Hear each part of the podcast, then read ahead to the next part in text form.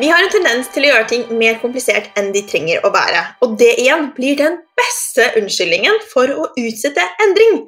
Men du, det går jo kun utover deg selv. Du kan faktisk få til store endringer med små endringer. F.eks. ved å bytte en matvare du putter i handlekurven din nå, med en litt annen. Derfor har jeg satt sammen 15 matvarebytter, eller food swaps, som det heter så fint, som du kan gjøre på én gang eller én etter én for å få en gladere og mer glødende kropp. Gå inn på leneragnhild.no bytte for å laste dem ned helt gratis, du også. Og nå gleder jeg meg til å dele denne episoden med deg. I denne episoden så har jeg besøk av Isabel Engelhardt. Jeg har funnet Isabel via podkasten Becoming, der jeg raskt skjønte at dette var en jente med mange av de samme tankene som meg rundt nettopp tanker.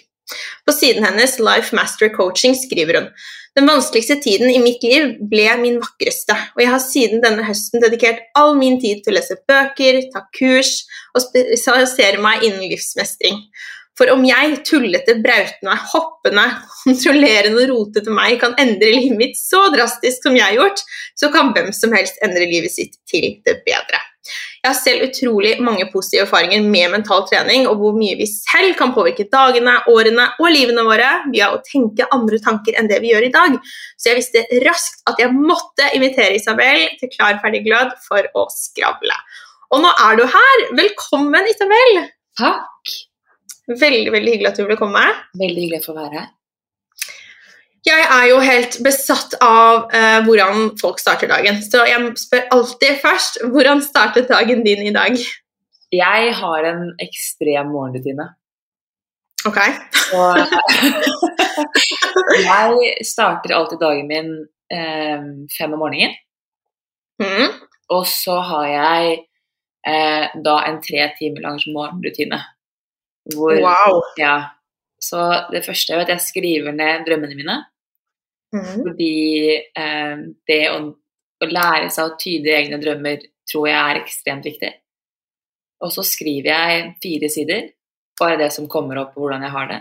Og så har jeg én time hvor jeg kjører det som heter quantum flow. Ja, ja, det skal vi snakke mer om etterpå.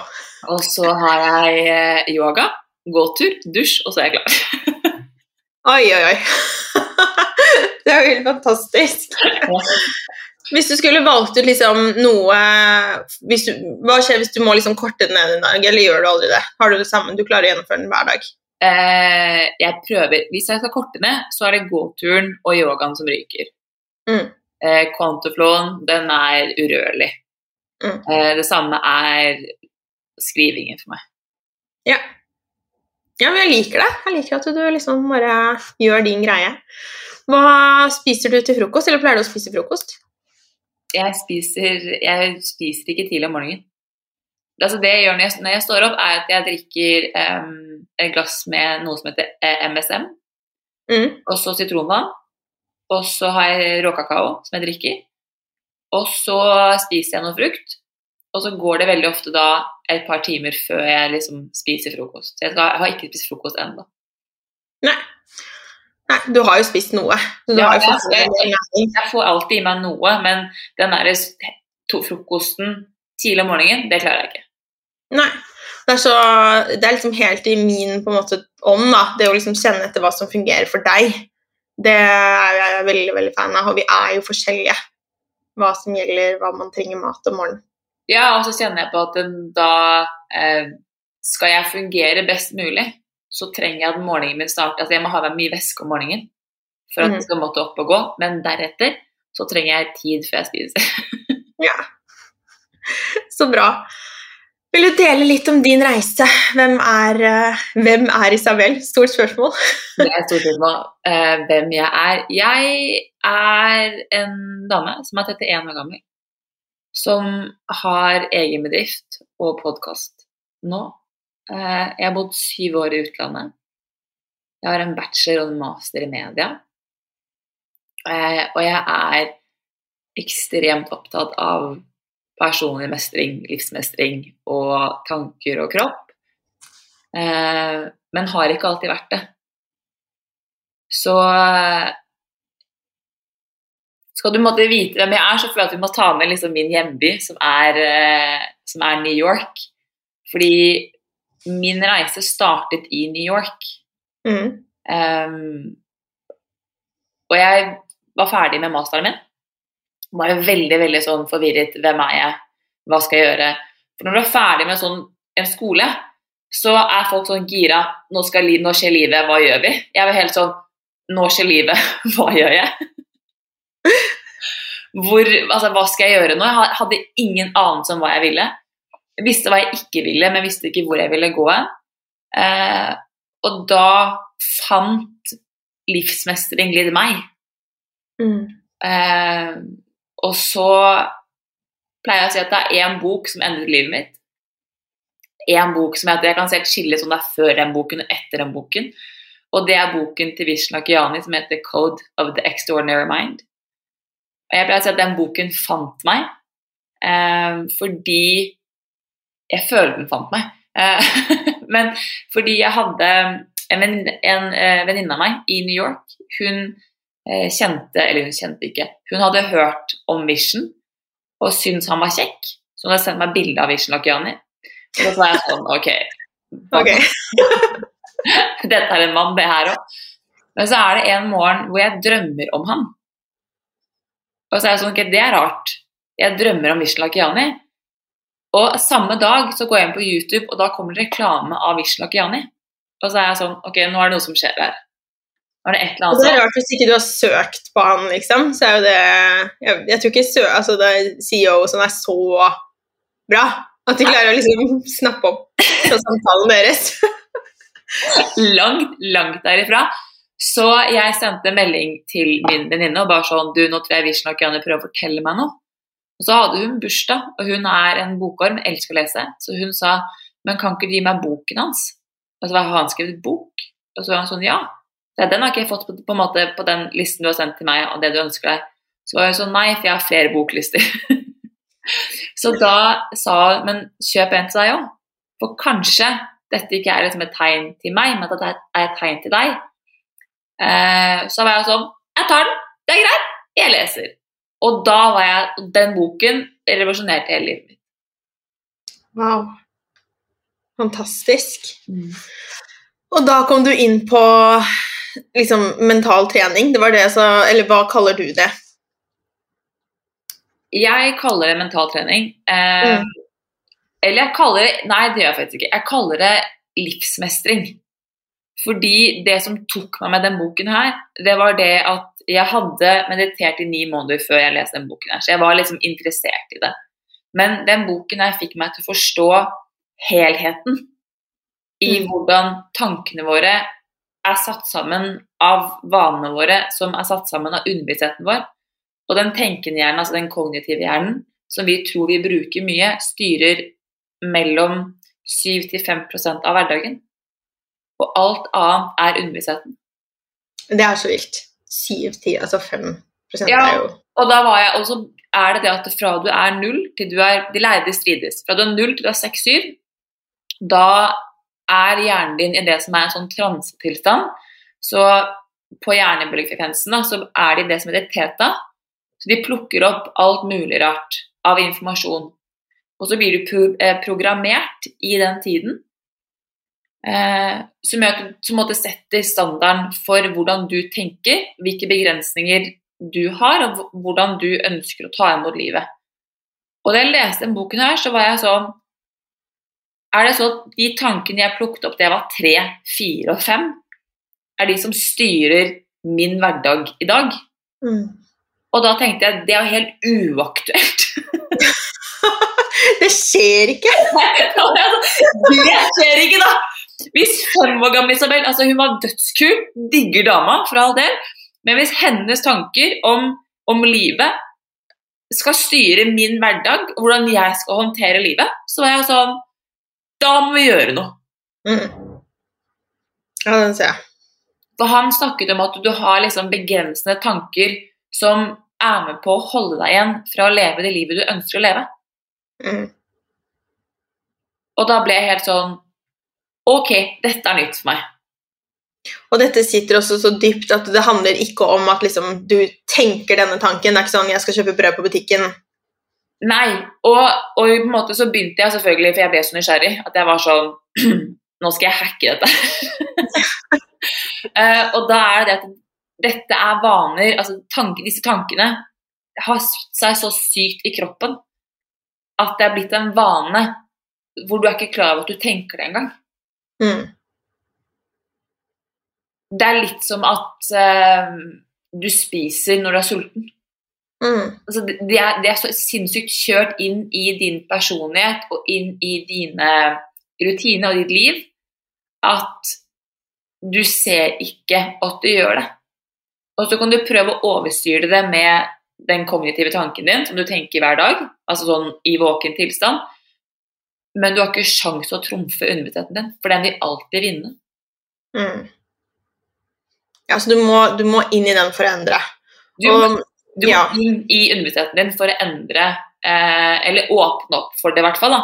Eh, ja. For å endre hvordan Jeg kaller det programmeringen i deg blir mm. satt. da. Ja, det er veldig spennende. Jeg har jo brukt eh, mental trening, eller som, dette som, som, kalles NLP, som er på en måte en form for sånn ja, nevrolingvistisk programmering, eh, til å Det var en av de brikkene som hjalp meg å bli frisk fra ME. Og jeg syns jo det er veldig utfordrende å forklare.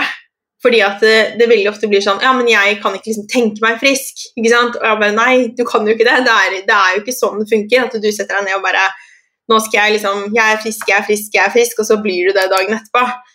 Uh, så det er jo det som er liksom, Hvordan kan egentlig det å endre tanker endre kroppen vår? Hvis du skal forstå tankene og tankens kraft, da, så må du se det på helhet i kroppen. Um, fordi at du kan sitte og tenke her og du og jeg kan tenke, eller lytterne våre kan tenke. eh, men så har det ikke nødvendigvis en effekt på selve kroppen. Så det at du må se helheten, og du må se at tankene har null effekt hvis ikke de er satt sammen med følelser. Mm. Det sies at tanker er elektriske, og følelser er magnetiske. Ja. Det er det som måtte gjør endringen i kroppen din. For kroppen din klarer ikke å skille på en ytre opplevelse og en indre opplevelse. Og den indre opplevelsen, den blir satt i gang av følelsene dine. Så du må linke følelsen på tanken, rett og slett. Mm. Så folk som kan sitte og si at ja, jeg, jeg, kan ikke tenke meg frisk, det er helt fair. Fordi i bunn den følelsen du går og bærer på, det er tvil. Mm. Og kroppen din er sånn Jeg hører hva du sier. det er tanker. Men jeg føler følelsen du bærer på, det er tvil. Så da kan ikke vi måtte gjøre dette her. Mm. Så det, du må få ja. følelsene og tankene på samme bølgelengde, rett og slett. Men ja. det som er, er at um, da, når du får det, når du klarer å få følelsen og tankene på samme bølgelengde, så kan du begynne å eh, reprogrammere kroppen din til å bli frisk. Mm. Og i um, nå blir det litt komplisert, skal vi se om jeg klarer å forklare det. Men um, Bring on! det er um, Du har to ulike realiteter. Du har uh, det som kalles the Newtonian world, som er basert på tyngdekraften. Og så har du kvantefysikken. Og mm. kvantefysikken sier at um, det er ikke at det er ikke tid og sted, men alt skjer her samtidig. Og den som ser på et på et scenario, er den som eh, bestemmer hvordan det vil utfolde seg. Eh, mens um, The Newtonian World den har en fortid, en nåtid og en fremtid. Det er veldig lett å forutse. Mm. I kvanteteorien så er alle muligheter åpne. Alt skjer samtidig. Og fysisk da, i kroppen din så er store, store, deler av kroppen påvirket av um, tyngdekraften. Mens det er én del i kroppen din som ikke blir påvirket av tyngdekraften, hvorfor fordi størrelsen avgjør om du blir påvirket av det eller ikke. Og det er en liten del av um, elektroner som er inni hjernen din, som, gjør, som dermed blir påvirket av kvanteteorien. Så hvis du kan klare å tenke og kjenne på følelsen, og tenke en tanke, og den vil bli så stor, så vil kroppen din begynne å tro på at dette er sant. Mm. Wow. Litt sånn lett fortalt. Spennende. Det er, ja, det er komplisert og så enkelt på en gang. Jeg pleier jo å si at hvert fall sånn, den forklaringen som føles liksom enklere for meg å, å, si, da, er at hvis du på en måte går den samme stien hver dag, så blir jo den stien veldig godt opp. Det er den stien som alle går på. Hvis du plutselig en dag finner ut sånn jeg skal bare gå liksom, en helt annen Jeg skal bare lage en sti, så først så er det veldig rart, og de liksom, tankene føles veldig rare. Eh, men etter hvert som du går den liksom flere og flere ganger, da, så har du knekt unna masse greiner og det liksom begynt å lage litt en sti, så vil plutselig hjernen din for den fyrer på en måte den enkleste veien. Og det var jo det som jeg følte var liksom min, er min sannhet. Da, var at mat, som har vært så stor del av min reise, det gjorde at kroppen min ble så frisk. Og da jeg var på ME-senteret, så sa de jo liksom Du er den friskeste pasienten på papiret vi noen gang har sett. Altså, du har jo Alle verdier er liksom bra Eh, du ser frisk ut, liksom, alt er liksom veldig sunt og bra med deg, men jeg hadde fortsatt alle disse symptomene på MS. Sånn, hvis jeg gjorde en aktivitet, så fikk jeg med en gang influensafølelse, feber Helt sånn konkrete fysiske symptomer. Så jeg tror at min kropp bare fortsatte å fyre av de samme liksom, 'du er syk'-signalene. Så når jeg klarte å endre det, så ble de symptomene borte. 110% fordi kroppen din altså, det er jo det som er Kroppen din reagerer um, Hvordan skal du forklare det? Kro altså, hodet ditt uh, foretrekker det som er kjent. Mm. Og uh, det gjør den fordi da kan den forsikre seg om at du kan overleve. Mm. Overlevelsesmekanismen til hjernen din er å holde deg i live. Og det gjør den via det å være kjent farvann. Og folk tenker at når du skal gjøre en endring, så skal den endringen gjerne skje på tre sekunder. Ikke sant? Vi gir tre uker, så er vi ferdig. Men så er det at den endringen du gjør, så må du bruke tid. For du må lære hjernen din og kroppen din at det er en ny følelse som jeg ønsker å ha. Det er en ny tanke jeg ønsker å tenke. Og jeg må trene den opp hele veien til den nye tanken blir sterkere, både følelsesmessig og eh, altså sånn eh, følelsesmessig og tenkemessig eh, at den trumfer den syke følelsen. Mm. Men folk er sånn OK, men jeg har prøvd det her i tre uker.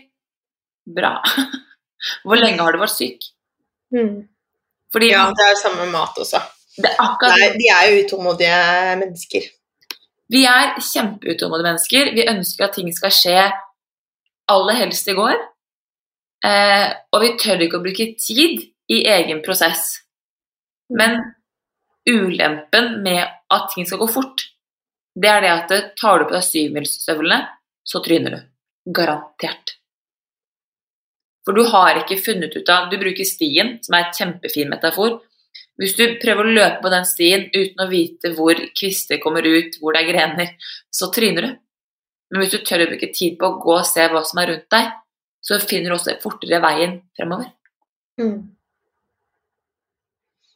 Ja. Så hvis vi skal nå liksom gå over til å, å trigge deg som hører på litt, da Så jeg har jo hørt masse på Becoming, som er din eh, podkast, som du har sammen med Belinda Jacobsen. Um, kjempefin podkast. Jeg anbefaler alle å gå og lytte til den også. Uh, og da var det jo flere ting som jeg bare Det her må jeg høre mer av. Men en av de tingene som jeg liksom elsker uh, å snakke om, egentlig, og liksom, som har hjulpet meg mye, er jo det her med offermentaliteten som dere snakker om. Hva er offermentaliteten? Åh, dette Magisk tema. Offermentaliteten er en mental tilstand. Eh, det er en tilstand hvor, eller et perspektiv kan du også bruke, hvor du går inn og rett og slett blir et offer for verden og livet ditt. Hvor du skylder på alle følelser og tanker du har som er ubehagelige, skylder du på verden rundt deg. Mm. Du er ikke ansvarlig for noe av det som skjer. Det er alltid noen andre sin feil. Det er en måte for deg å kunne bli i eh, en ubehagelig følelse. Mm.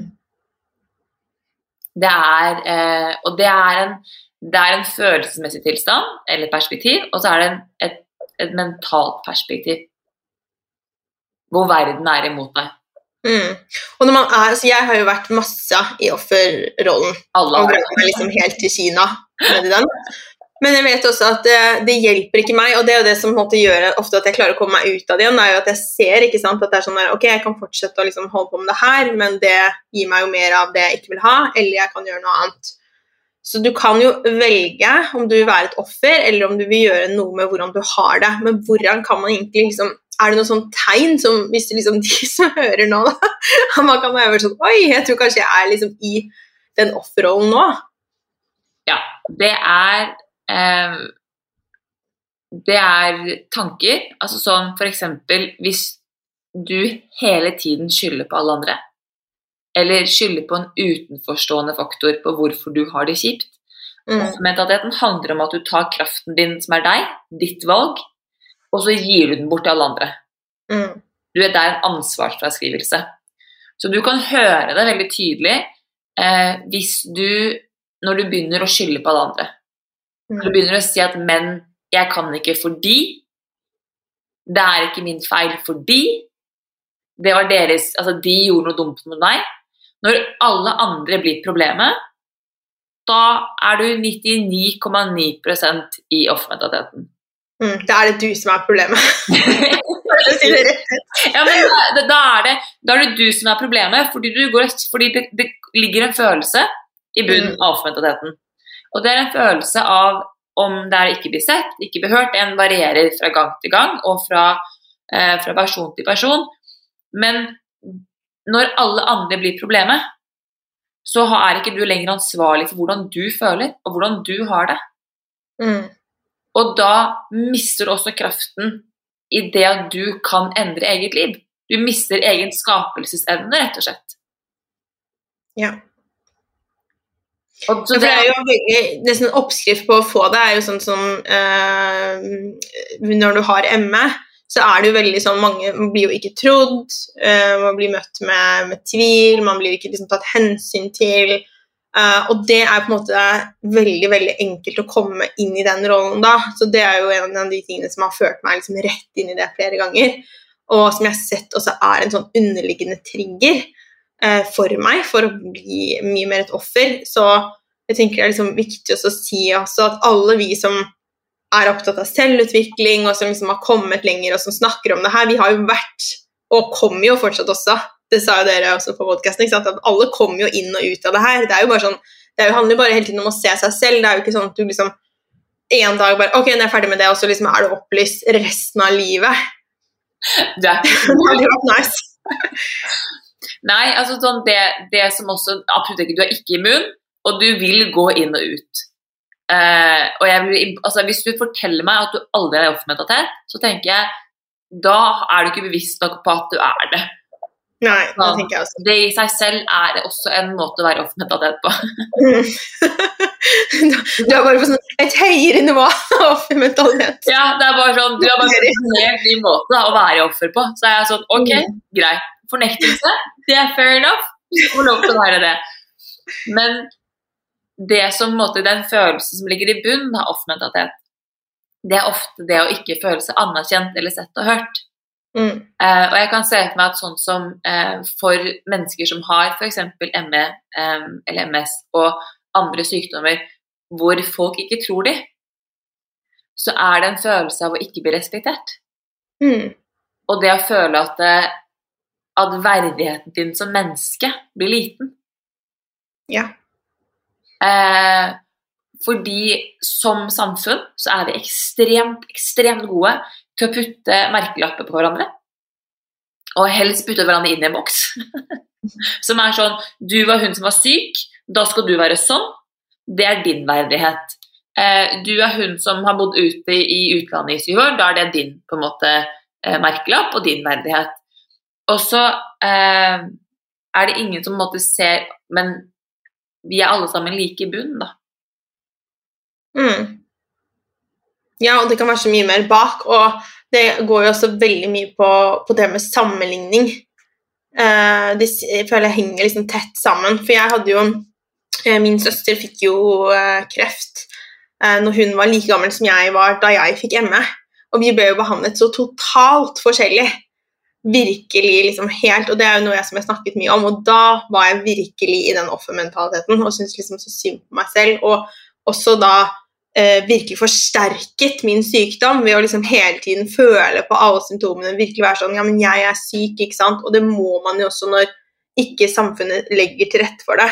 Det er liksom helt åpenbart at når noen får en kreftdiagnose, så er det liksom ikke sånn at du bare Ja, men burde ikke du også stille opp på dugnad, og burde ikke du liksom Folk er jo veldig sånn forståelsesfulle med en gang, mens det er de absolutt ikke når man har mye mer en sånn usynlig sykdom. Så derfor så er det jo liksom Du må Det er lettere da å være den der fighteren og bare Nei, jeg skal liksom fortsatt gjøre ting, jeg, og liksom sånne ting. Du trenger jo ikke å liksom kjempe på samme måten. De fleste, i hvert fall, da. Og det er jo bare Jeg vet at veldig mange som hører på, har mye mer av den liksom, problematikken sånn skjult. Eh, diffuse symptomer, ikke sant, sånne ting. Så jeg vil bare liksom si at jeg, jeg føler med deg på det. Det er, liksom, det er litt tøffere å legge av seg, men det vil virkelig hjelpe deg hvis du klarer å legge fra deg den, eh, den rollen. Men du kan, du kan sammenligne symptomer på en sykdom med symptomer i et forhold, med symptomer på en arbeidsplass. Altså Mm. sånn hvis du um, Som du sier, det er noen mennesker som altså Det å bli kreftdiagnostisert, det er mer dramatisk eh, og mer akseptert Mm. eh, sykdom, som gjør at folk der på en måte bli gående og være sånn Ok, men du skal få pause. Du skal få fri. Du skal få lov til å være der du er. Mens du, du kjære Helene, du må være med ut og kjempe mens alle andre mennesker, ikke sant? Ja, ja. Eh, og det er jo på en måte at man kan kjenne på at ok, men er ikke jeg viktig, da? Mm. Eh, og den skammen av å kjenne på at ikke jeg er viktig det er den, den følelsen av på en måte, at man blir så liten. Og den kan, den kan du ha i sykdom, og du kan ha den på jobb. Eh, ved at du ikke du klarer å få til like mange salg eller like bra presentasjoner eller arbeidsoppgaver som alle andre mennesker gjør. Mm. Du kan ha den i vennegjengen hvis du er den eneste som ikke har kjæreste, eneste som ikke har barn, ikke sant? Fordi du på en måte du skiller deg litt ut, da. Og du føler ikke at du er god nok som menneske i bunn. Mm. Og det er jo Jeg pleide å si før korona kom at den pandemien vi lever i, er en 'jeg er ikke, jeg er ikke god nok'-kultur. Mm. Det er den pandemien som egentlig på en måte omfavner hele verdens befolkning. For den følelsen kjenner alle på. Mm. Ja, og så klarer vi på en måte ikke å, å snakke om det. Men um, dere snakker jo også en del om det her med sårbarhet. Eh, og denne syns jeg er veldig utfordrende. Det er en av de tingene jeg har jobbet med med psykolog. Uh, hun sa at når jeg snakket om alle sånne vonde ting som har skjedd i livet, bare Du smiler når du snakker om ting som er kjipt. That's weird. Sånn. Veldig sånn jeg er veldig opptatt av liksom bare, Ja, men jeg er på andre siden nå, ikke sant? og klarer ikke helt å liksom stå i de følelsene.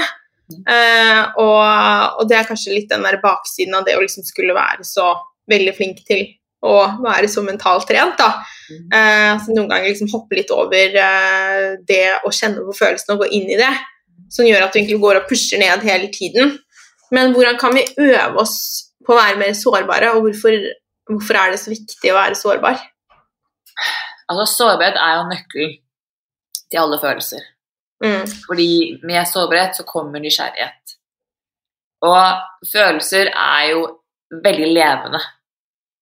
Eh, Norges, eller verdenssamfunn, da, eller verden generelt, ser jo på følelser som noe sånn veldig konstant bra, dårlig, rett, galt. Og hvis du har en bra, dårlig, rett, gal, så vil vi automatisk skyve det som er dårlig. Vi vil unngå det for, for alt det har vært. Og så vil vi kun ha det positive. Men da går du glipp av halve bildet. Og så er det at følelser på en måte er energi i bevegelse, og de lever. Og hvis ikke de blir på en måte anerkjent og akseptert, så vil de lage seg i kroppen. Og sårbarhet er derfor nøkkelen til å liksom låse opp alle disse følelsene. Det å låse opp egentlig relasjonen og evnen i deg selv da, til å se deg selv. Eh, for det å kunne tørre å sette seg ned som et annet menneske og si at jeg er redd for at jeg ikke er elskbar. Det er en følelse og en frykt jeg går og bærer på. Og uten å kjenne på at du må forsvare deg, og uten å kjenne på at du må At den andre personen skal redde deg. Fordi eh, Og det skjer jo ikke i dagens samfunn. Vi er, vi er, ikke komfortable nok i hverandres følelser. Og vi er ikke komfortable nok i egne følelser. Så da gjør veldig mange mennesker, og jeg har vært klin lik, kjenner meg veldig godt igjen, tar på et smil og sier 'Jeg hadde det vondt i går, men nå går det veldig bra. Takk for at du spør'.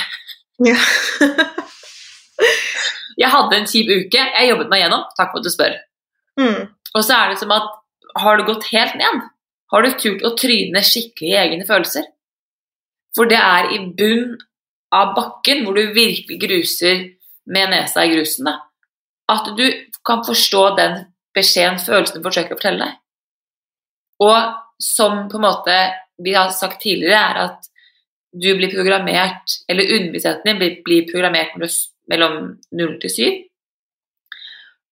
Og følelser som ikke er prosessert, lages i kroppen. Så du kan gå og bære på en følelse du har kjent på siden du var syv år gammel. Mm. Og hvis du prøver å unngå den nok, så vil den bare bli sterkere og, eh, og eh, sterkere. Og så er det spørsmålet ok, tør jeg ta den imot nå? Mm. Og da må du kunne klare å være sårbar. For det vi gjør, er at vi sier ok, jeg skal kjenne på en følelse. La meg bare gå og hente sverdet mitt og skjoldet mitt og kanskje stolen min. Bare i tilfelle dette blir for vondt. Og så skal jeg bare skyte alt sammen. Hvis du kommer for nære. Så, og her er jo da nysgjerrighet i det å si ah, jeg kjenner på en følelse. Hm, den er ganske ubehagelig. Hva gjør jeg? Hvordan Hva er det vi kan gjøre for å på en måte forløse en følelse? Eh, det er mange ting. Det er litt an på pers altså person til person. Jeg anbefaler å skrive. Mm. Eh, fordi, som vi sier i podkasten, er at det er alltid 5% fakta, og så er det 95 historien du forteller deg selv. Og i de 95% av historien du forteller deg selv, så er det gamle minner det er følelser, og så er det det du faktisk forteller deg selv.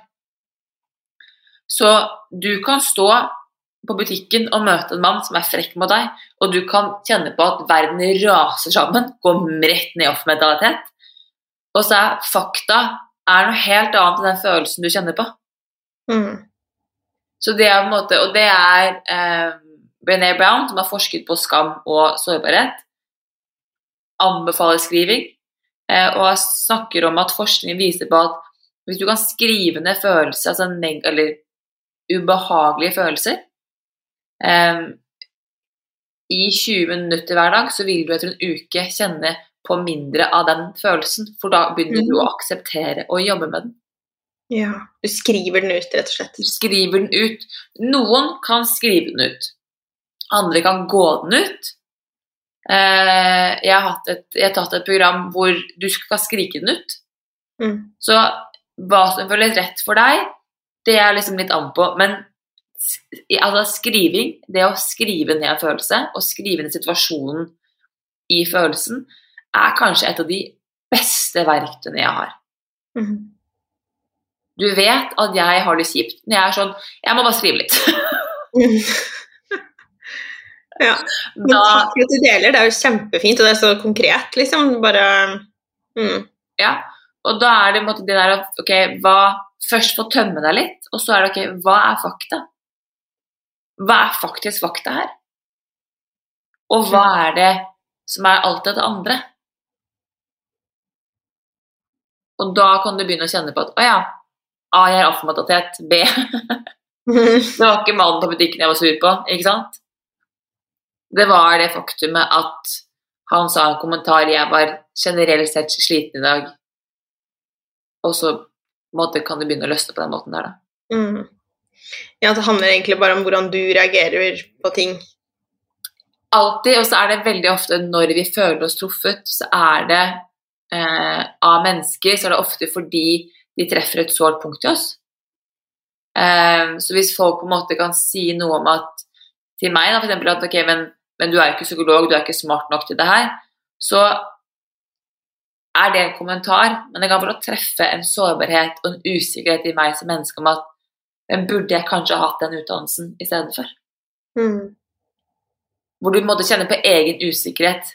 Og det har ingenting med personen som sier å gjøre, men det har Ok, hva gjør du nå, da? Mm. Hvordan håndterer du egen usikkerhet?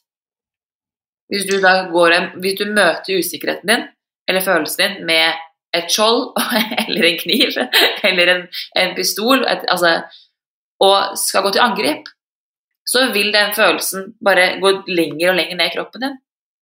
Hvis du tør å møte den med sårbarhet og si 'jeg ser deg', ok, det er usikker, ha, ok, ha, ubehagelig, ja, jeg hører det.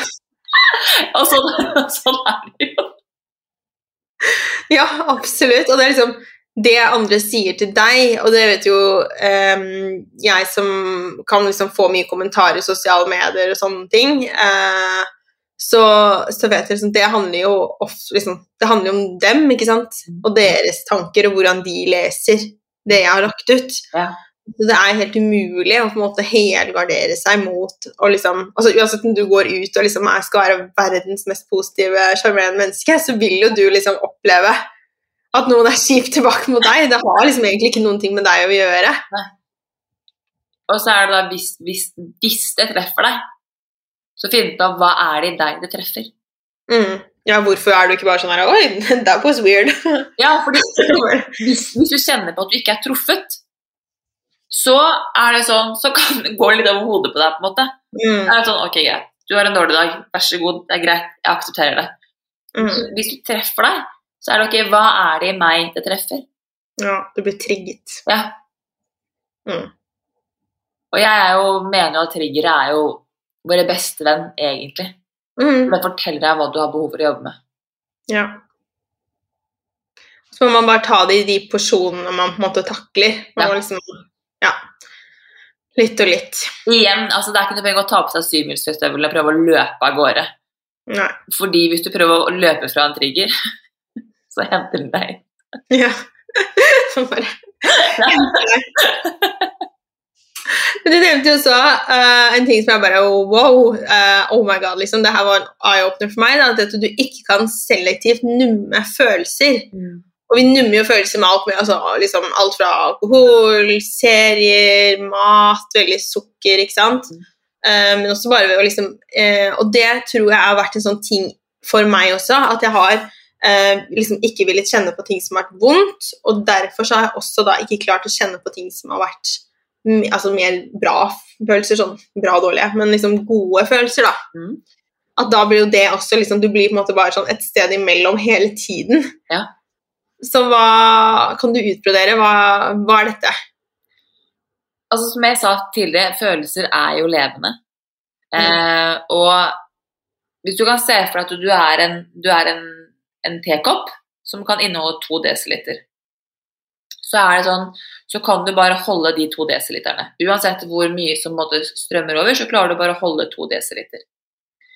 Så hvis du sier til deg selv at nå skal jeg kutte ut følelser, eller jeg skal kutte ut liksom, de ubehagelige følelsene, så gjør du deg selv mindre. Fordi kroppen responderer ikke. Kroppen er sånn min, Mitt kommunikasjonsverktøy til deg, det er følelser. Og du er sånn Jeg hører hva du sier, men bare vær så snill og gi meg bare de gode. Mm. Og så er kroppen Men det er Jeg prøver en gang til. Det er mitt språk til deg, og du sier 'jeg hører hva du sier', eh, men bare det gode. Og da er kroppen OK. Skal, da må jeg, ta, jeg, skal, jeg skal kutte de, de to ytterste. Jeg skal kutte ned de to beste. Så kan vi møtes i midten. Ja. eh, og da blir det måte du som en tekopp, da, hvis du bruker det to desiliter-koppen. Du gjør deg selv mindre. Mm. Ok, men du vil ikke føle på en måte det som er kjipt, men da klarer du ei heller å føle på det som er, er på en måte kjennes som enorm glede. Du gjør deg selv mindre. Så ved å tørre å kjenne på flere og flere følelser, og være i følelsen, så ekspanderer du koppen din til å være større og større og større, til du plutselig kan stå og holde på 4 dl. Vannet som kommer, som er livet, den måte vil hele tiden fylle opp. Spørsmålet er bare hvor mye klarer du å holde. Ja. Hvis det ga mening. Mm, ja, det gjør det. Så da liksom, hvis du holder igjen og ikke tør å kjenne på det vonde, så vil du på en måte heller ikke få de store toppene. Du klarer ikke å ta det inn. Du, du, du, du har ikke sjanse til å ta det inn, du har ikke sjanse til å kjenne på det. Um, og noe av det som først forsvinner, er jo da inspirasjon, Mm. kreativitet. De, på en måte, Hvis du fjerner skammen, hvis du fjerner frykten, så fjerner du også inspirasjon og kreativitet. Mm. Men det som er ironisk, da, er jo det at skammen forsvinner jo ikke. Du setter den bare på mute i kroppen. Så når du, når du sier at ok, jeg skal numme følelser, det du gjør, du setter de på lydløs. Mm. Du snuser de, liksom. Ja, men de er der fortsatt. De påvirker deg alt du gjør. De eh, er med på å ta valg for deg hver dag, til tross for at du ikke ønsker å kjenne på dem. Mm. Du har bare valgt å skru ned volumet på dem. Mm. Ja. Og det er jo, altså dette her med skam er jo veldig veldig spennende. Eh, og det at liksom skam er den følelsen som kanskje er den vondeste. Ja. I hvert fall, ikke Den er liksom litt sånn avvisnings... Avvisning, avvisning generelt er jo sosialt sett, da, fra way, way, way back when, altså nå snakker vi liksom steinaldertiden, så Mm. var avvisning var lik døden. Mm.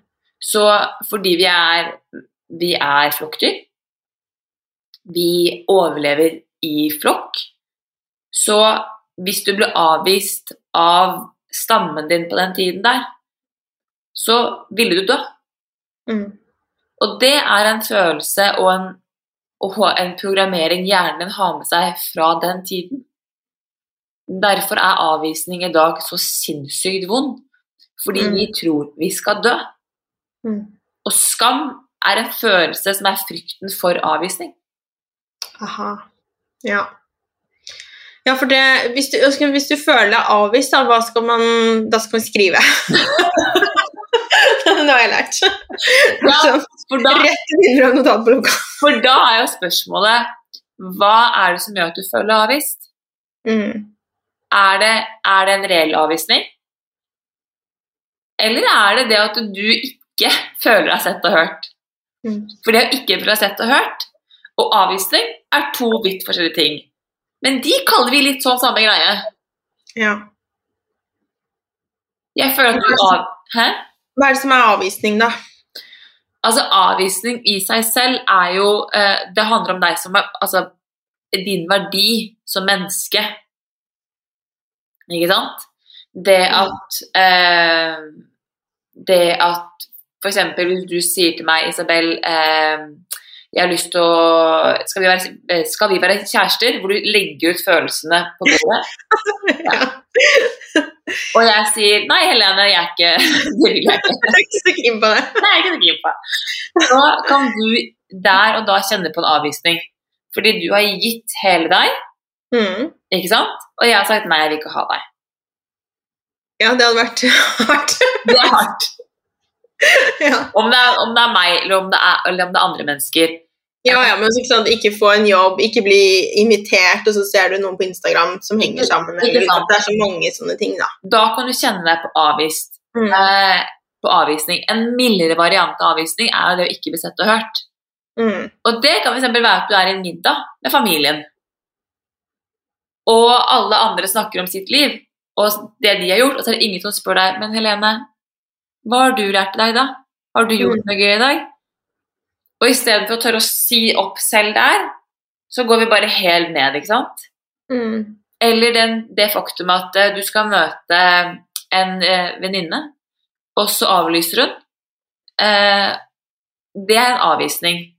Men hvis du er sammen med venninnen din, og du kjenner på at hun snakker mye om seg selv, så er det at du, men blir du, kan du kjenne på at du blir ikke sett og hørt. Mm. Ja, fordi den, du har kanskje, jeg føler i i den liksom, sett og hørt, så har du litt mer ansvar. Det er veldig lett å liksom da, Hvis du er på den middagen, da, så er det liksom lett å bare Åh, ingen spør meg, og liksom gå rett til den hoffen-greia. Og bare, nå skal jeg bare være stille, og så skal jeg bare dra tidlig, og så håper jeg noen kommer til å være sånn Gud, går det bra? Du dro så tidlig. Og liksom, ja, det er veldig sånn klassisk, føler jeg. Istedenfor å da bare være sånn Ja, jeg kan jo fortelle litt om meg, eller liksom ta det opp selv, da. Det er jo, ikke, det er jo som regel ikke vondt ment, på en måte.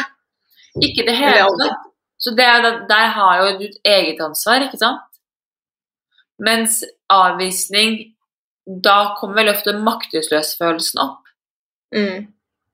Men så er det at de kjenner ikke Vi mennesker, og jeg sier vi fordi jeg er klinikk selv og jeg jobber med det, er Vi kjenner ikke godt nok hvordan følelsene våre føles ut. Mm. Ei heller hvordan tankene våre høres ut.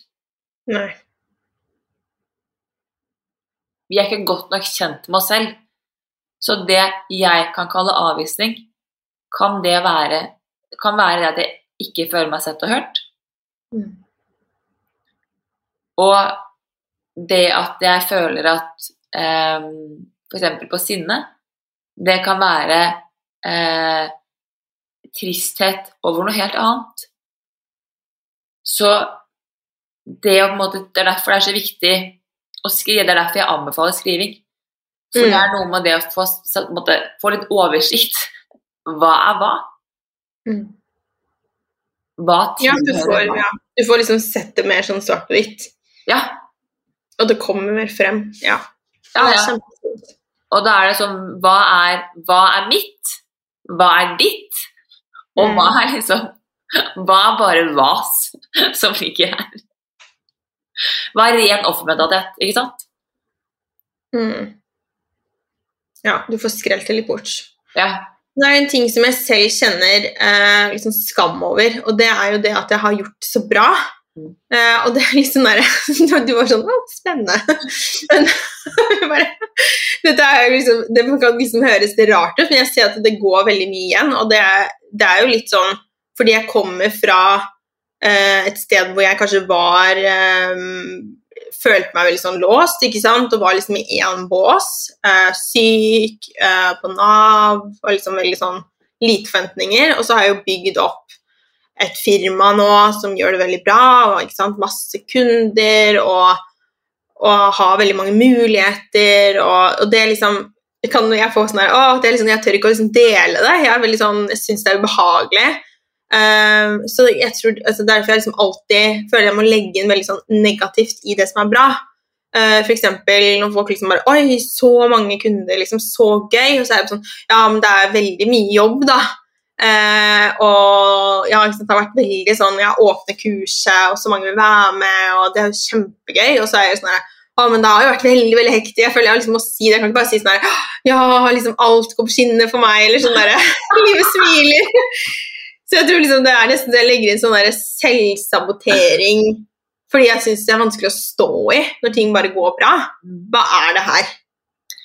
Jeg mener at det her handler om, om, om egenverd, Mm, og det å kjenne at du faktisk er verdig din egen suksess. Mm, Det å kjenne at du faktisk fortjener det du har fått til. Eh, fordi når man går fra i det ekstreme, da, når det går fra ikke å ha noen ting til å få det til, så vil du møte folk på veien som vil gi deg følelsen av at nå tar du, en føl eller nå tar du bort en mulighet fra meg. Ja. Ikke sant? Du fikk til noe jeg ikke får til. Ikke at man vil samme veien, men du gjør noe jeg skulle ønske jeg også kunne gjort. Og så kjenner vi på at vi, vi klarer ikke å ha trygghet nok i, i det vi skaper selv. Og det mener jeg handler om egenverdighet. mm, Fordi som et samfunn så er vi ekstremt opptatt av at verdigheten vår som menneske kommer av resultatene vi gir. Mens du er egentlig verdig som menneske uavhengig av resultatet. Mm. Mens når du får det til, så tenker man at ja, nå, nå, nå må Helene være lykkelig. Nå kan ikke Helene ha en dårlig dag. Hun har faktisk fått til jobben sin. Hennes egenverd bør bare skinne, ikke sant? Og bare woho! Mens det, har, det er jo bare et resultat av en jobb du har lagt inn. Mens det å være trygg i den følelsen av at jeg er god nok akkurat sånn som jeg er, det er jo den følelsen som er vanskeligst å jobbe med. Og det er den jeg, for min del, når jeg hører måte det er snakk om det, er det jeg tenker. Fordi mennesker har så lyst til å måtte dra deg ned litt, kan jeg se for meg at folk har.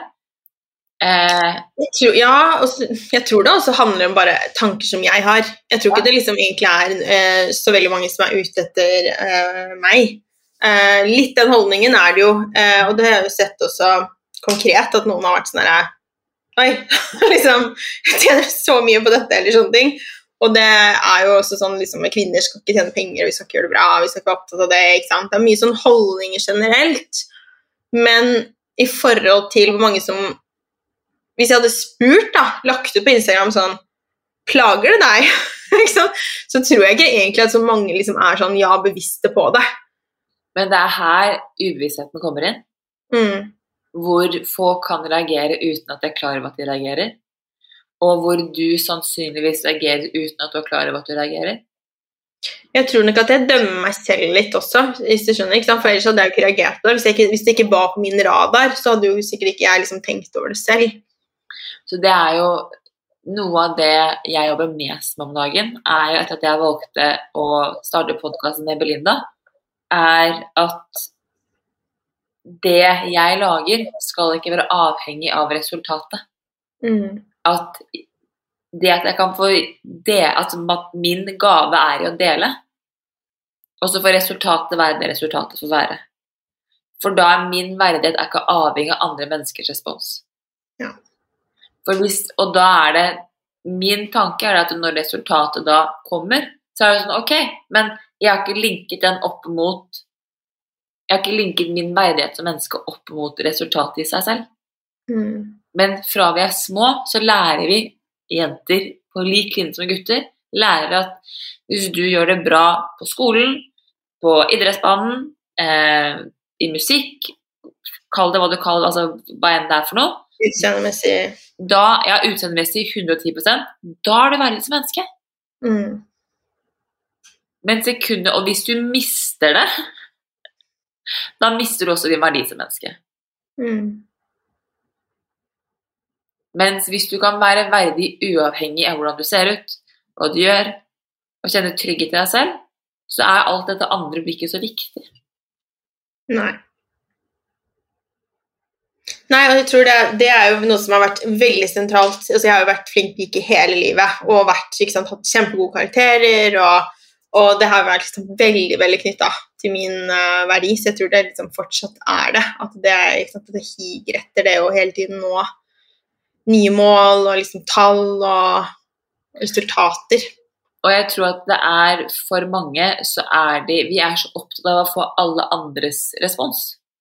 Mm at vi hører ikke vår egen. Hvis du sier 'bra jobba', eller 'i dag var du god', ja. så er det sånn ah, 'ok, hysj, eller det går bra'. Men hvis andre mennesker sier det, så er det sånn 'ah, takk, det hadde jeg behov for å høre'. Mm.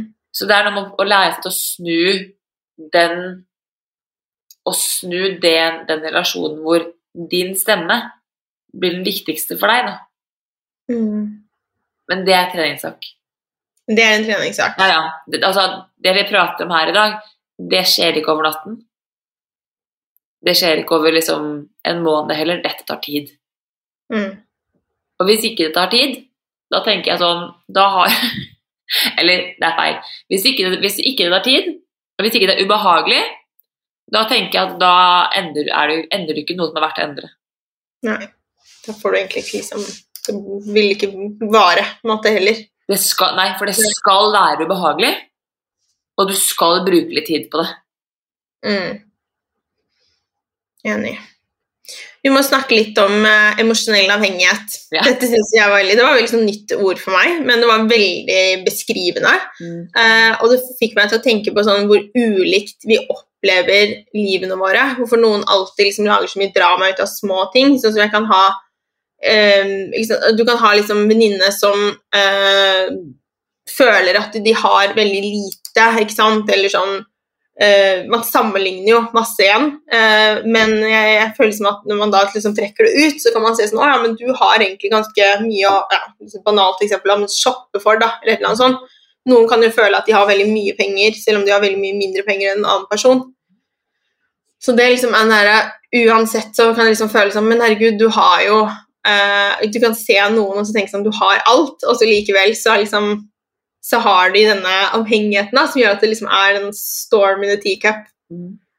Så hva, hva, er, hva er egentlig emosjonell avhengighet? Altså, emosjonell avhengighet er når kroppen din blir så vant til en følelse at den blir avhengig av følelsen for å kjenne at den lever. Mm. Eh, det er veldig få mennesker som blir liksom avhengig av lykke og glede.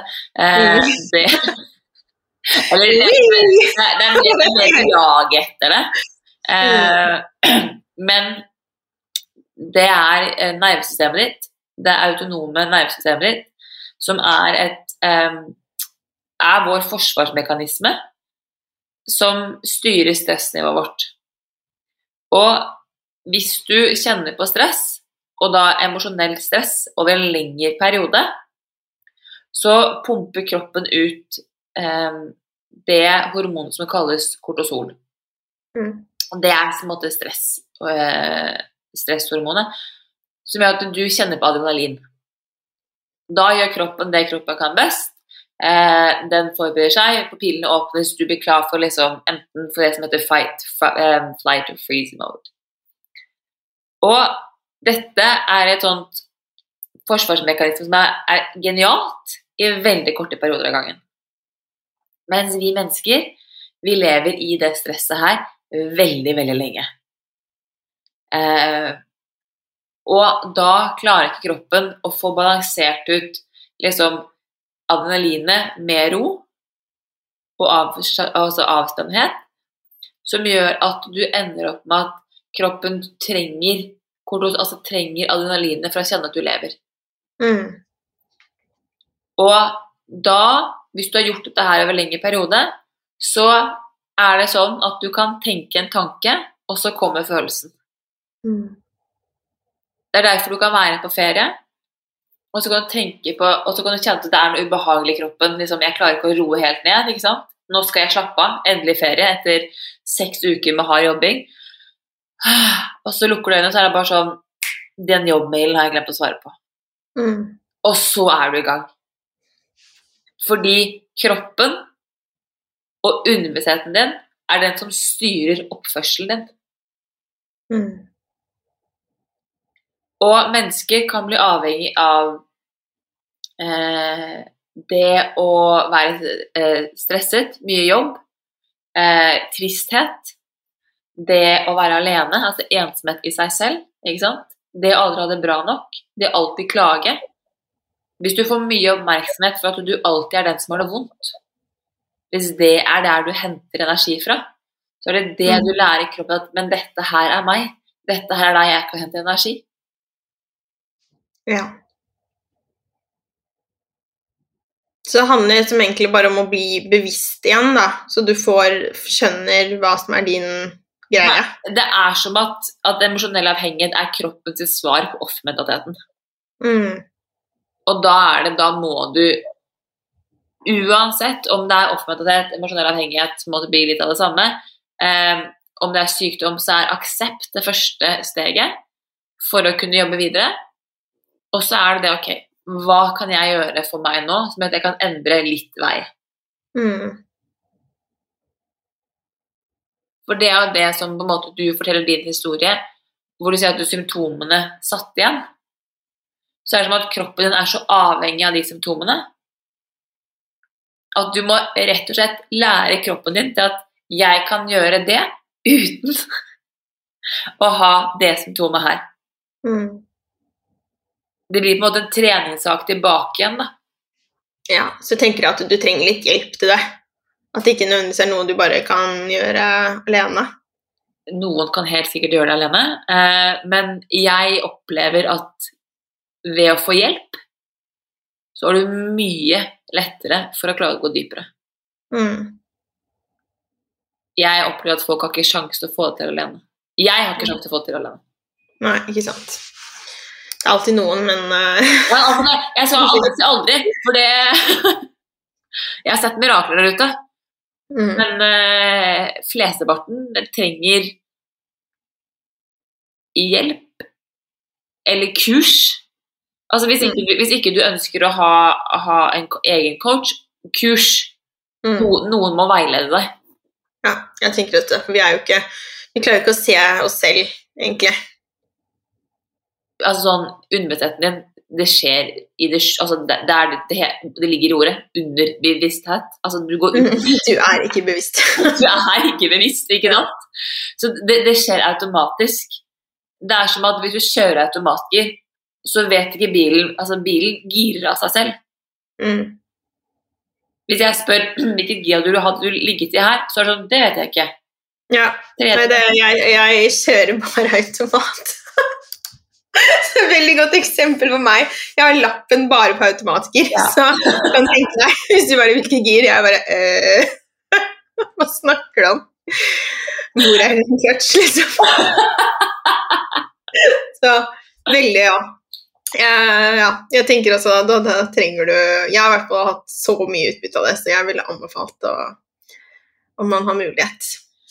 Jeg ville anbefalt, om hvis ikke én til én, det å ta kurs, Mm. det å tørre å investere i seg selv, eh, det å tørre å investere i egen utvikling, eh, og det som føles rett for den som blir lytter eller deg, det er noe av det mest jeg tror den beste investeringen du kan gjøre. Mm. Jeg tror ikke det finnes noe som gir deg et bedre utkast, fordi det du lærer om deg selv, tar du med inn i alle områder av livet ditt. Mm. Ja, jeg er så enig. Det er kjempeviktig. Så jeg tenker at om, altså om det er mat, om det er mental trening, om, altså hva enn det er for noe, for meg er ikke det så viktig. Men det at du tør å ta deg selv på alvor nok til å tørre å gjøre jobben, tror jeg kan være det, den beste avgjørelsen du tar. Mm. Ja, og så er jeg som, Det er jo derfor jeg har så mye mental trening inn i glødende kost. er jo fordi at Det er jo det som ofte hindrer oss. Veldig mange har jo masse kunnskap om hva de skal spise, men så spiser de jo fortsatt mye crap. Ja. Eh, og, og det gjør perioder selv også. Så det er jo fordi at man da liksom At ja, vi stopper oss selv. Så det er jo helt avhengig av å liksom gå inn og jobbe med de mønstrene. Ellers så vil det hindre deg. Hvis du, hvis du ser på et kosthold kun som et kosthold til mat til kroppen, så går du glipp av et veldig mye større bilde. Det er, for å referere til Løvens konge, så sier jo eh, Mufasa til Simba liksom at livets sirkel, ikke sant Vi spiser antiloper, antiloper spiser gress, vi blir til gress når vi dør. Så antilopene spiser oss. Det er litt sånn, det er en helhetsbilde av livets sirkel. Og det er sånn du må se på deg som menneske òg. Du kan ikke se kosthold alene, og du kan ikke se tanker alene. Mm. Du må se alt sammen i et større bilde. Ja, det er kjempe, kjempeviktig. Jeg leste jo på siden din at du har tatt kurs i noe som heter quantum flow. Ja. Bare, okay, Hva er det? Jeg har aldri hørt om det før. Nei. Hva, hva er quantum flow? Eh, quantum flow er en, det kalles en, på engelsk en embodiment method. Så det er en, det er en helhetlig fullkropp-metode -hmm. som bruker som har eh, lignende prinsipper som du har i yoga, i eh, qigong, i kinesisk medisin, i tantra eh, og i flere andre ting, som bruker pust, eh, vibrasjon, altså da lyd på stemmebåndet din, eh, bevegelse eh, og musikk og ja, det er vel de, ja, og dans, blant annet som en del av måten å transformere energi i kroppen din på. Så da går du gjennom syv steg som skal hjelpe deg til å løsne opp i gamle følelser som, som sitter fast i kroppen din, for å åpne deg opp for at du selv kan kjenne på en bedre flyt. mm. Veldig kort fortalt. Men det er eh, Det er helt Det er ganske nytt. Det er en fyr i Puerto Rico som på en måte har kanalisert det. Og det er For meg, da jeg, da jeg fant det her, så var jeg sånn der. det er grei. Det er du. Ja. For da får jeg måtte virkelig brukt Altså hvis jeg er sint, da, meg hvis jeg blir sint, og for meg å sette meg ned og skulle begynne å meditere, det er sånn, det skjer ikke. Mm. Mens med Quantiflow så kan jeg få skrike det ut. Så jeg kan få utslipp for en del følelser og ting og tanker som sitter i kroppen min. Og det er som at luftbobler i kroppen, eller minner, sprekker som luftbobler. Og jeg kan slippe Jeg kan kjenne på en, et minne eller en gammel følelse uten å føle at jeg blir følelsen. Ja. Så det er en sånn ja, en slags sånn release. Det, det er en release, og det er en det er, den har syv steg, og det er en metode som eh, skal hjelpe deg til å liksom klare å komme tydeligere inn i kontakt med deg selv. Da. Gjennom alle de ulike lagene som vi mennesker går og bærer på. Så spennende. Så det, dette er noe som du har, eh, er trent i. Sånn du, er det sånn at du kan gjøre det selv, eller kan du lære det andre det også? Jeg kan, jeg kan gjøre det selv, og jeg kan gjøre, lære det bort til andre. Ja, kult. Spennende. Ja, det er veldig gøy. Ja. Var du i Puerto Rico og lærte det, da? Nei, jeg hadde det på Zoom. Nei. Ja, ok. Da fikk jeg, for jeg fikk vi hele jeg tror jeg hadde hele verden. En fra Argentina, en fra San, Diego, en fra altså folk over hele verden da, som traff hverandre. Og så hadde vi Zoom-calls. Um, og det var fantastisk for meg, for da fikk jeg liksom Det å lære bort til andre mennesker er en måte hvor du selv lærer bedre på. Mm. Og jeg tror det er så viktig å huske på at hvis du ønsker å lære bedre, så, så må du lære det bort. Mm. Eh, så for meg så var det på en måte bare Det ble min, min måte, og det har som også igjen kickstartet veldig eh, meg og min egen reise. Mm. Og derfor jeg tenker det er så veldig viktig å finne sin vei. Mm. Noe som kan åpne deg litt. Ja. Det som, og det som funker for deg, funker for deg, da. Mm. Og det tenker jeg er viktig å huske på. At det som funker for meg, funker ikke nødvendigvis for deg, og vice versa. Det betyr ikke at det du gjør er feil, og det jeg gjør er feil. Det betyr bare at vi har ulike ting vi trenger her og nå. Da. Ja, for det er jo veldig den eh, som jeg ser hele tiden som kommer opp i sosiale medier, og egentlig mye mer sånn i klassisk media også, er liksom den derre forskningsbasert, ikke sant, som er det innen ernæring òg. Det er liksom sånn evidensbasert ernæring, og vi som har liksom de som har det i sin sånn Instagram-caption, Det er liksom ett verdensbilde, Å tenke at det som er forsket på, er lik sannheten.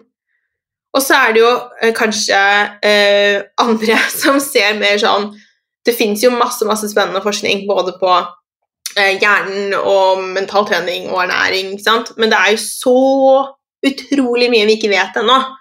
Og tenk så mange ting som kan komme i fremtiden også. Så det, er jo liksom, det jeg pleier å si, er hadde jeg ventet på forskningen, så hadde jeg jo vært syk ennå.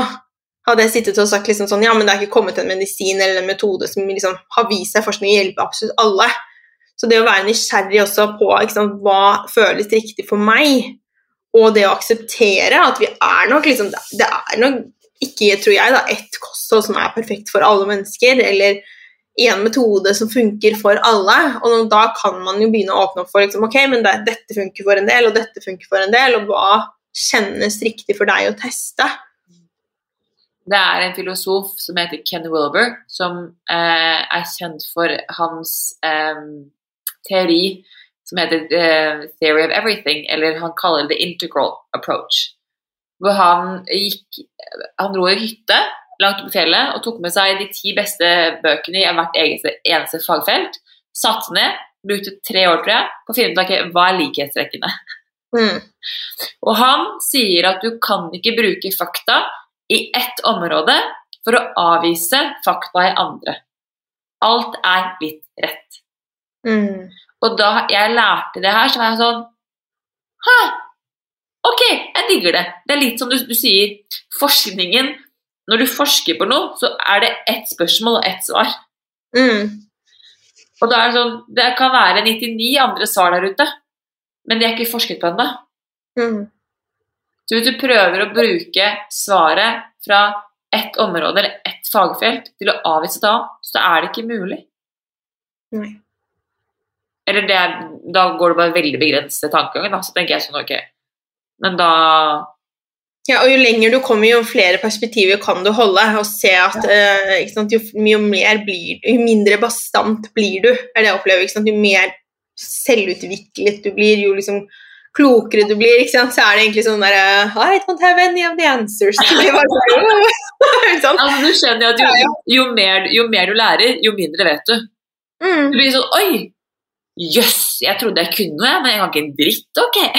mm. Ja, men det er veldig, det er veldig interessant og veldig sånn um, Jeg har gått fra å være mye, mye mer sånn bastant for mange år siden innen mat, til å nå liksom være mye, mye mer åpen og se at det kan være forskjellige ting som funker for forskjellige, og forskjellige ting som funker i forskjellige perioder ut ifra hvor man er. Så det syns jeg er uh, veldig viktig. Liksom, hvis noen er veldig bastant og bare 'dette er svaret', og liksom, vi vet det i forskning, og liksom alt sånt, så er jeg bare sånn Run away! på, hvis folk blir veldig bastante, så kan jeg kjenne ofte på at å ja, men her er det en usikkerhet. Mm. Fordi hvis du er trygg nok i egne argumenter og i egne tanker, så er du ikke så har du ikke samme behov for å skulle bevise noe til folk. Mm. Det er sånn ok, hvis du tenker det, så er det greit. Jeg kjenner hva som er rett for meg, jeg vet hva som funker for meg, så jeg orker ikke å bruke tid prøve å overbevise deg. Nei, og det er jo det jeg prøver å lære kundene mine også, som er sånn eh, De bare 'Å, jeg har en liksom fetter eller en liksom Et eller annet svigerfar eller noe.' Ofte så er det sånn 'Å, men liksom som er så uenig i det her, hvordan, hva er liksom, gode argumenter som jeg kan ta med?' Jeg bare 'Å, jeg ville kanskje bare lagt den døra. Jeg ville bare ikke brukt energi på å liksom prøve å overtale andre om det du gjør i ditt liv, for det er liksom ikke det er ikke din place heller, sånn, og du, du, vinner veldig sjelden noe på det. Ja. Altså, jeg er vegetarianer og har vært det i fem år. Og altså, så mange ting som kommer rundt vegetarianere og det å være vegetarianer, og så mange meninger om Og nå er jeg bare sånn, vet du hva? Vær så god. You do you, I'll do me. Det er helt mm. greit, ikke sant? Du skal slippe å spise gress. Jeg spiser ikke gress selv, jeg spiser digg mat, men vi trenger ikke å ta, den diskusjonen der. Nei, det er, Og så tror jeg det er veldig mange som Jeg ser da at ofte så er det ikke nødvendigvis sånn at de eh, egentlig blir oppsøkt på den måten at liksom eh, Jeg tror veldig sånn med vegetarianere så er det, så er det der folk skal liksom ha veldig mye meninger om hva andre spiser.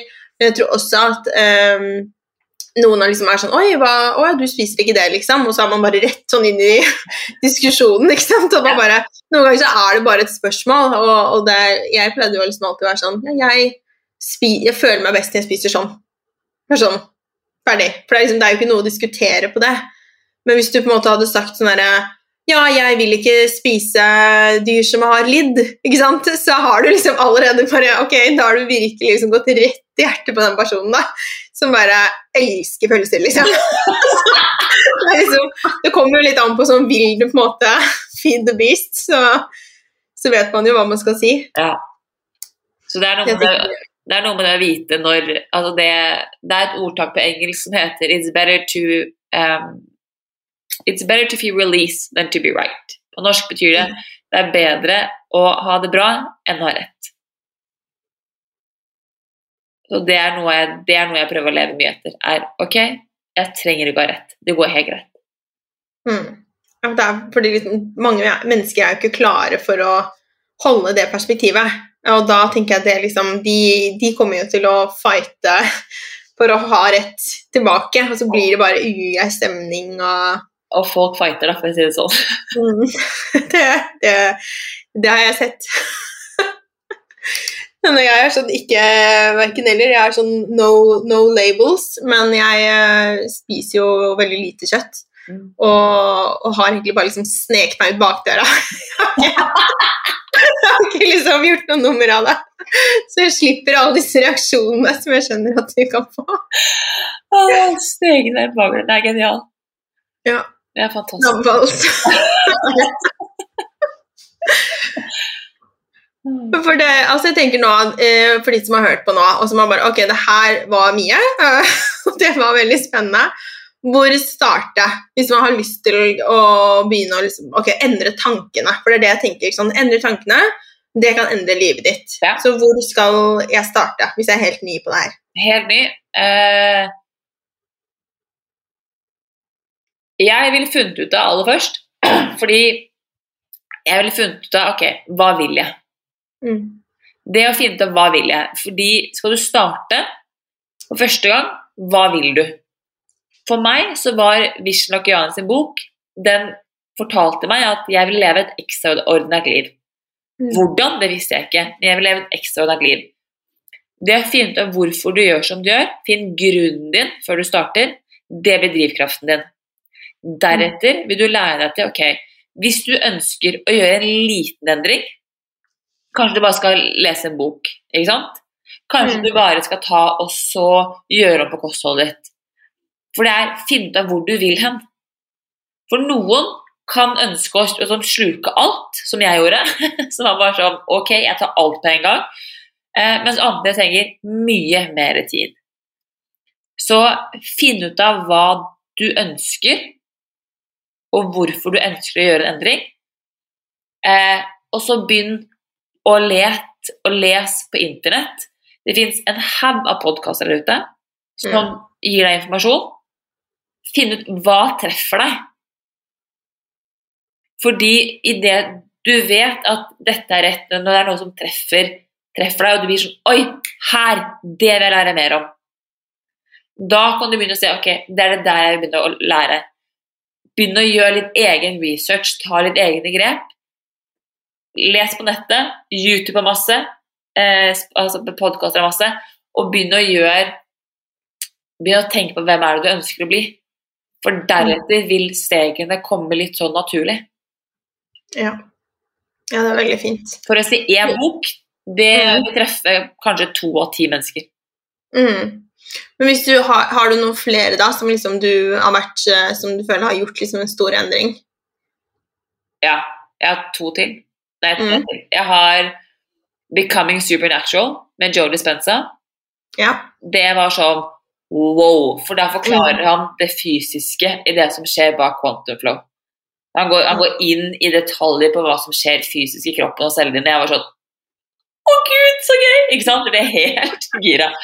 Ehm, det er nummer to. Nummer tre er radikal tilgivelse. Det å lære om tilgivelse, og hvordan tilgivelse påvirker kroppen din. Eh, det var også sånn revolusjonerende for meg. At det handler ikke om å skulle liksom la folk kjøre over meg, det handler om å slippe den følelsen av å bærer på kroppen, og tankene. Mm. Og så er det en bok som heter The Magdalene Manuscript, som er en bok eh, om det å transformere energi. Mm. Vi får linke disse under episoden, tenker jeg, så, så man kan gå inn og, og finne de. Men det er veldig spennende. Jeg husker en, en ting med, med tilgivelse er liksom det at når du går og bærer det der naget over noen ting som har skjedd, uh, så, så gir det deg et eller annet. Det er en grunn til at du ikke vil slippe det. Ja. Og det å lære det var sånn Oi, for meg, liksom. liksom hva er det det gir meg da, å bære på og ikke helt klare å tilgi en person? Veldig ofte Det- eh, det er veldig ofte beskyttelse. Mm, Eller skal du bevise noe. mm, Du er sånn nei, jeg skal, nå skal jeg, jeg, jeg skal gjøre et poeng ut av det, som regel. Eller så er det beskyttelse. mm. Det å tørre å som du sier, gå, gå inn i ned og tenke hva er det under her jeg ønsker Eller hvorfor holder jeg på det? Det er viktig. Ja, veldig fint. En av bestevennene mine i New York brukte jeg åtte uker på å forklare fordelen av tilgivelse. Og til slutt så slapp han. Og da var han sånn Det er det beste over hele mitt liv! Så deilig. Ja. Så hva er et steg som vi alle kan ta i dag for å få det bedre? Eh, Et steg i dag Aksept. Rett og slett hvis, altså, aksept, Aksepter at det er greit at ting er som det er. Mm. Det er helt greit. Trenger ikke være bra, trenger ikke være dårlig, men det er greit. Du kan ikke gjøre en endring før du tør å akseptere situasjonen som det er. Mm. Enig. Og så selvfølgelig skriv etterpå. Det er det også veldig anbefale. Ja, det var det jeg tenkte som hun kommer til å skrive. Og så, hva er det som får deg til å gløde, Isabel? Annet enn din tre timer lange morgenrutine, som jeg er veldig, veldig misunnelig på. Uh, jeg tror det som får meg mest til å gløde, det er gode samtaler. Mm. Det, altså sånn altså, Mat, eh, riktig mat, riktig kosthold. Eh, det å være ute natur, selvfølgelig, alt dette her. Men, men gode samtaler, Mm. det, det, da gløder jeg innvendig. Da, da kjenner jeg at jeg lever. Ja, connection. Ja, Mm. Og det er at jeg lærer noe nytt. Mm. Det er at jeg gløder. Ja, da gløder man. Mm. Så hvor kan vi finne deg eh, nå videre? Hvis du vil lære mer, følge deg, ta kontakt med deg? Du finner meg på Instagram. eh, utrolig nok, så er jeg tilbake der. Eh, og så finner du meg på lifemasterycoaching.no. Og så finner du meg på Becoming-podkasten. Mm.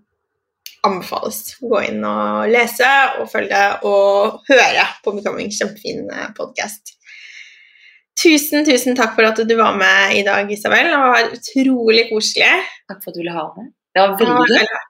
Masse. Veldig gøy og veldig Ja, jeg synes det var kjempefint. Jeg, har liksom fått masse nytt, og det sånn, sånn, Det er sjelden, men jeg føler at liksom, det var noe sånn jeg fikk den podkasten, så var jeg bare sånn Oi, her var det liksom masse nye ting jeg kunne henge liksom knagge på, da. Eller henge ting på knagger, eller hva jeg skal si. Så jeg syns det var så deilig.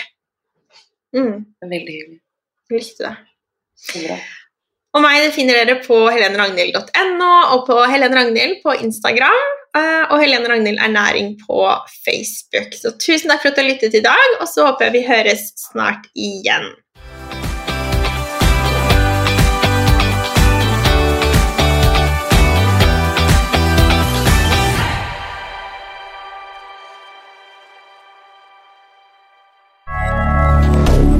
Moderne media.